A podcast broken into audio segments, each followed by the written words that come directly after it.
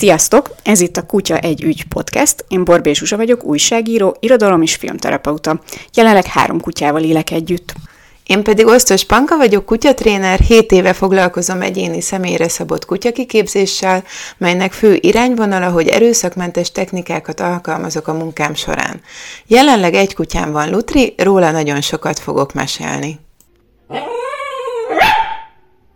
Ezen a héten egy kifejezetten szezonális témával fogunk foglalkozni, meg pedig a nyaralással a kutyával együtt, és ennek mindenféle vetületével. Pankáik tavaly körbe is utazták fél Európát Lutrival, úgyhogy neki személyes tapasztalatai is lesznek bőven. De nézzük meg először talán azt, hogy mi szükséges ahhoz, vagy milyen feltételei vannak annak, hogy az ember el tudjon magával vinni egy kutyát egy nyaralásra. Szerintem az lenne a jó, hogyha szétszednénk a feltételeket, mert vannak tárgyi feltételei, vannak viselkedésbeli feltételei, és attól függ, hogy hogy hova utazunk, mivel utazunk, tehát hogy nagyon sok tényezős ez a kérdés. Rendben, akkor kezdjük talán a tárgyi feltételekkel. Ez alatt olyasmit kell érteni, hogy ki kell váltanunk a kutyának útlevelet, illetve hogy mi az, amit neki pakoljunk. Igen, tárgyi feltételeknél ott is több csoportot lenne jó szerintem csinálni.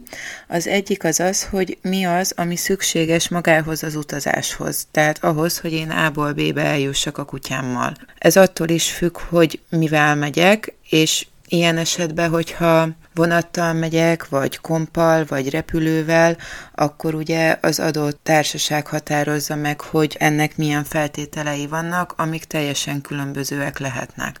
Hogyha kocsival megyek, akkor ugye nagyjából én határozom meg, hogy én mennyire szeretném biztonságba tudni a kutyámat, és boxol utazom, vagy box nélkül, hogy rögzítem a kocsiban.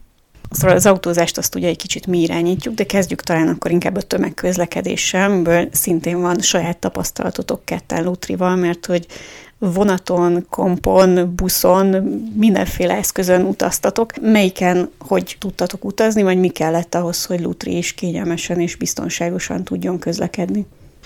Ugye mi Budapesttől egészen Skóciáig mentünk, nagyon fontos volt, hogy mások is tudtak ebben segíteni. Azt, hogy ezeket az információkat hol tudom megszerezni, nem mindig volt egyértelműen fent. A társaságok weboldalán volt, amikor fel kellett hívni. Ezeket mindig nagyon körültekintően meg kell nézni, mert ez országonként is változik, és társaságonként is változik. Attól függően, hogy milyen vonattal megyek, mert például a MÁV-nak teljesen más szabályzata van, mint az osztrák ÖBB-nek. A kompon például úgy volt, hogy az egy teljesen sajátos rendszer volt, úgy kellett kibérelni a kabint, hogy az egy kutyabarát kabin volt, és ott a kabinban lehetett a kutya, de a kabinból nem jöhetett ki például a komp többi területére.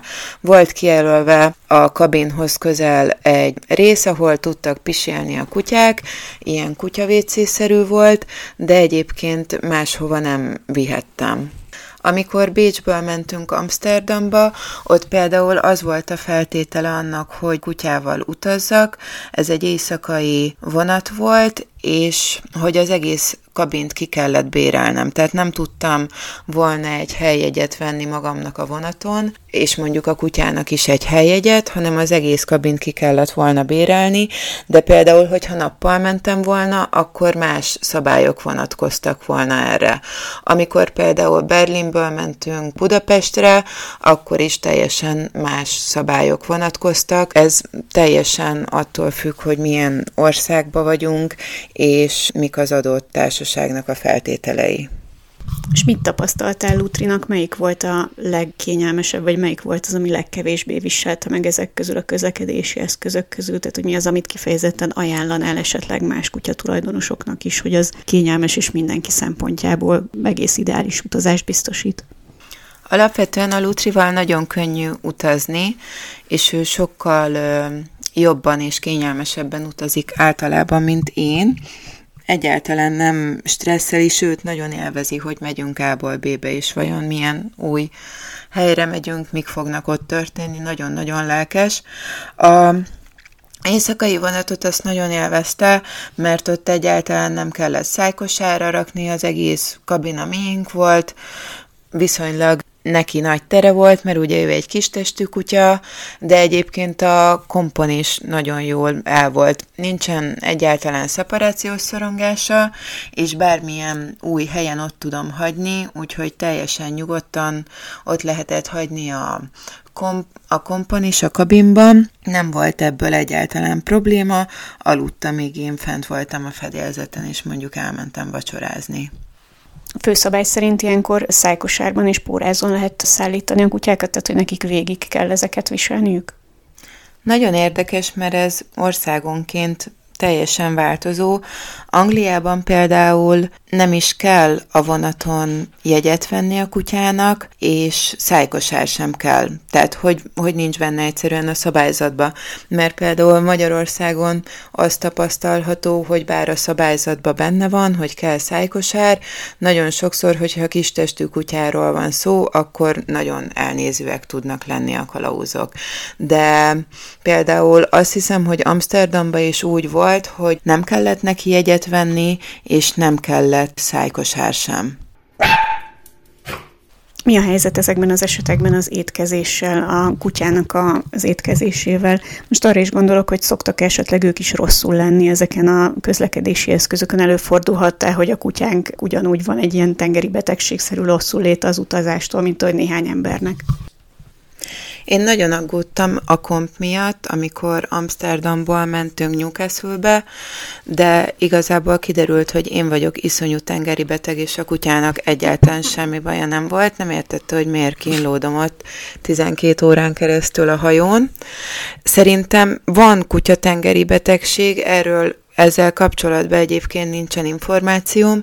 Amit tudok, hogy a kocsiban nagyon sok kutya szokott hányni, és igazából én vállalok ilyen tréningeket is, amiben hozzászoktatjuk a kutyákat az autóhoz, hogy kellemesebb érzet legyen, és ne párosuljon ez egy folyamatos hányással és egy egészségügyi problémával is a kutyák számára. Oké, okay, és akkor normál esetben gondolom ugyanúgy kell ételt meg vizet biztosítani a számukra, mint hogyha nem lennénk úton. Igen, a víz az nagyon-nagyon fontos, és az a nehéz benne, hogy az ember hajlamos róla elfeledkezni, mivel hogy folyamatosan úton van, és ugye nem úgy van, hogy kirakom ahogy mondjuk otthon is, aztán a kutya iszik, amikor iszik, és ugyanúgy etettem igen a lutrit reggel este, ahogy itthon is.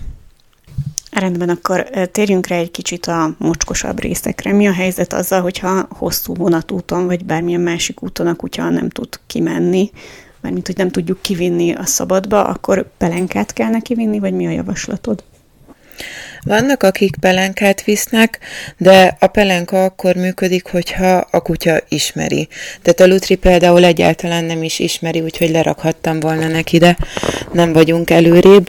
Nagyon nehéz volt, a, mert kétszer is megtettük már ezt az utat Bécs és Amsterdam között, és először nagyon nehéz volt, mert valamilyen felső vezeték szakadás miatt nagyjából két órát álltunk pluszban Németországba, és már mondtam a kalauznak, hogy muszáj lenne levinnem a kutyát, mert plusz két órát nem fog kibírni, és mondták, hogy nem tudnak mit csinálni, mert egyszerűen nem, nem szállhatunk le a vonatról, mert így is késésben vagyunk, szóval, hogyha meg fog állni egy rendes megállónál, és nem csak így valahol a semmi közepén Németországban, akkor sem lesz rá idő, hogy lemenjek vele azért is volt nagyon nehéz, mert ugye én egyedül utaztam a Lutrival, tehát hogy még az sem volt, hogy valakinek szóltam volna, akivel utazom a vonaton, hogy figyelj, szóljál már, hogyha rohanjunk vissza a vonathoz, mert mindjárt indul. Alapvetően egyedül utazni a kutyával sokkal nehezebb, mint hogyha ketten utazik az ember.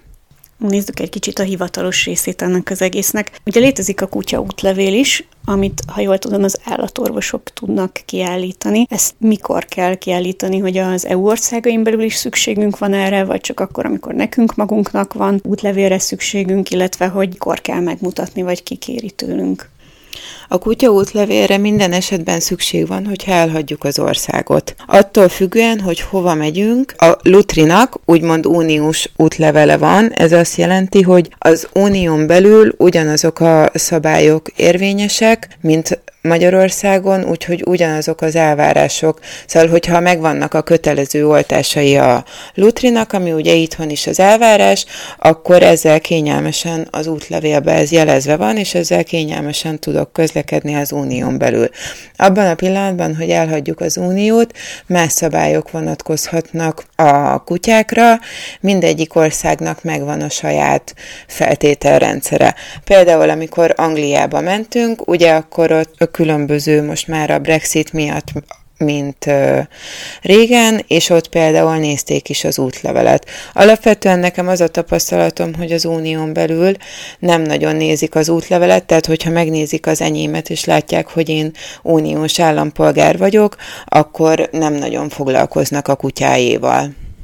Mi történik, hogyha esetleg véletlenül a nagy csomagolás közepette elfelejtem a kutya útlevelét elrakni, de az unión belül mozgunk. Nem nézik el ezt esetleg, hogy mégiscsak uniós állampolgár vagyok, a kutyának mondjuk ott van nálam az oltási könyve, ki lehet magamat dumálni, vagy milyenkor a büntetés? Azt tudom, hogy Angliában ott nagyon szigorúan veszik, és ott visszafordítanak. Tehát amikor átléptük ott a határt, akkor, akkor ott nagyon komolyan megnézték a Lutrinak az útlevelét. Egyébként szerintem az unión belül sehol nem nézték meg a Lutri útlevelét, pedig már nagyon sok országban voltunk, egyáltalán nem érdekelt senkit, de az a protokoll, hogy visszafordítanak tehát hogy, hogy nem, nem lehet mit csinálni. Az oltási könyv nem váltja ki az útlevelet, az útlevél viszont kiváltja az oltási könyvet. Tehát, hogy a Lutrinak nincs is oltási könyve, csak útlevele. Ez volt akkor a nehezített terep, az egy kicsit könnyebbnek tűnik, vagy innen nézvést, hogyha saját autóval közlekedünk. Mi az, amit akkor fel kell mérnünk, vagy mi az, amit biztosítani kell a kutyának. Az előbb mondtad, hogy boxban utazhatnak a kutyák, a miénk például a hátsó szoktak üldögélni, ez nem annyira biztonságos, vagy nem javaslod, vagy ez teljesen kutyafüggő? Én a tréningeken is el szoktam mondani, hogy a box a legbiztonságosabb autózás szempontjából. A Lutri be nem szállna mondjuk egy boxba, az egyértelmű, mert nagyon, nagyon nem szereti a boxot és fél benne, és nem nagyon ritkán kerültünk olyan élethelyzetbe, hogy én ezt igazán szükségesnek éreztem volna. A kocsiban rögzítve van, ott nagyon fontos, hogy hámon legyen, és a hámon lévő pórázzal lehet rögzíteni a kocsiban. Van kutyabiztonsági öv, amit direkt a kocsikba gyártanak, és akkor be lehet dugni a biztonsági csatba a kocsin belül.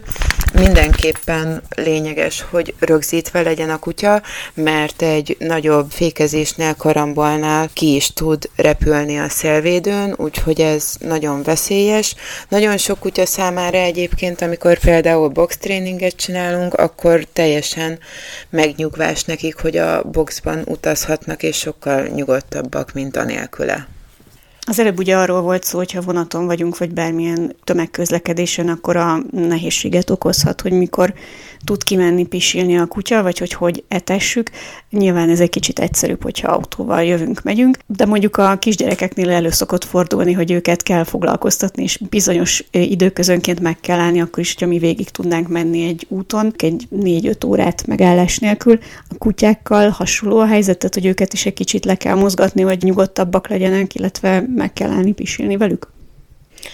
A vonat és egyéb tömegközlekedési eszközöknél egyébként nagyon sokan azt is veszik szempontul, hogy úgy utazzanak, hogy a kutyával 5-6 óránként le tudjanak szállni, és tudjon a kutya pisilni. Tehát, hogy valaki direkt e szerint választja ki az útvonalat, és hogy milyen járművekkel menjen amikor kocsival utazunk, akkor igen jó a kutyának is, hogyha kiszállunk, tud sétálni, nem gémberednek el a végtagjai ugyanúgy, ahogy az embereknek. Amire nagyon kell figyelni, hogy nem szabad elfelejteni, hogy meg kell őket itatni, mert az ember ugye hajlamos rá, hogy elfelejtse, mert általában azt csak akkor tudjuk megcsinálni, hogyha megállunk a kocsival. Amikor Skóciába jöttünk haza egy kutyakiképző barátnőmmel, akkor ő vett egy, mert akkor onnan már kocsival jöttünk vissza, és akkor ő vett egy speciális itatótálat, ami olyan volt, hogy be tudtuk rakni a kocsiba, és nem borult fel, olyan volt direkt a kialakítása, hogy kocsiba való itatótál. Vagyis ezek voltak nagyjából a tárgyi feltételek. Milyen tréningre kell, hogy vigyük a kutyát, mielőtt elindulunk vele, vagy milyen feltételeknek kell, hogy megfeleljen. Tehát mondjuk gondolom visszahívható kell, hogy legyen nagy biztonsággal, kell, hogy jól viselje a tömeget, ilyesmikre gondolok. Tehát, hogy mik azok, amiket teljesítenie kell, úgymond a kutyának, mielőtt nekivágok vele Európának. Szerintem az egyik legsarkalatosabb pont az a szeparációs szorongás, főleg, hogyha egyedül utazom a kutyával, akkor nagyon nehéz, mert bizonyos szituációkban muszáj egyedül hagynom, tehát akár hogyha elmegyek a mosdóba, akkor sem minden helyzetbe tudom magammal vinni, vagy hogyha be kell mennem egy boltba, ha már ott vagyok külföldön, akkor nagyon sokszor ugye kint kell hagynom, úgyhogy szerintem ez az első és a legfontosabb. A többi pedig ugye, amit említettem is, hogy akár az autózással kapcsolatos tréning, ahhoz is hozzá lehet szoktatni. A városban való közlekedés, az is egy nagyon nehéz tréning tud lenni sok kutya esetében, de mindenképpen mérlegelni kell, hogy a kutya mennyit bír, tehát hogy ő mennyi ingert bír, mennyire tud alkalmazkodni ezekhez a helyzetekhez. A tréning során ez mennyire fejleszthető, ezekről is szoktunk beszélni, de nem mindegyik kutyának jó egy ilyen utazás változás, tehát hogy valamelyiknek akkora stressz, a folyamatos környezetváltozás és a folyamatos új stimulusok, ingerek, hogy egyszerűen nem bírja, tehát hogy nem egy élvezhető folyamat ez neki. A Lutri imádja, azért is viszem mindig magammal, de hogyha nem szeretné, akkor megoldanám és itthon hagynám. Mik azok a jelek, amikből leszűrhetjük, hogy a kutyánk az jól fog bírni egy ilyen utazást, vagy inkább hagyjuk itthon? Mire kell figyelnünk? Az egyik, hogy az itthoni városi környezetre hogy reagál, itthon rövid távon, villamoson, buszon hogy utazik, és azt szoktam javasolni, hogy fő a fokozatosság, tehát hogy ezeket a helyzeteket fokozatosan próbáljuk ki, ne hozzuk magunkat olyan helyzetbe, hogy mély vízbe dobjuk magunkat a kutyával, és haza kell jönnünk egy nyaralásról. Tehát, hogy nagyon sokszor az emberek csinálnak ilyen próbanyaralásokat, úgymond, egy-két napra lemennek Balatonra, hogy akár egy olyan távot, hogy bír a kutya, egy olyan környezetben, hogy tud koncentrálni, figyelni ránk, mennyire visszahívható, szóval, hogy lehet ilyen próbaköröket futni előtte. Hát ez egy különösen szimpatikus gondolat, hogy az ember nagyon önfeláldozóan miniszünidőket tartson csak azért, hogy a kutya kipróbálja, hogy ő szeretne nyaralni. Viszont ez egy nagyon nagy téma, úgyhogy szerintem ezt itt most az utazási részét lezárjuk, és a következő alkalommal pedig beszélgetünk arról, hogy mi a helyzet, hogyha már megérkeztünk valahová a kutyával, akár külföldre. Ez volt a Kutya egy ügy. Nagyon köszi, hogy meghallgattatok minket, hamarosan jövünk a következő adással.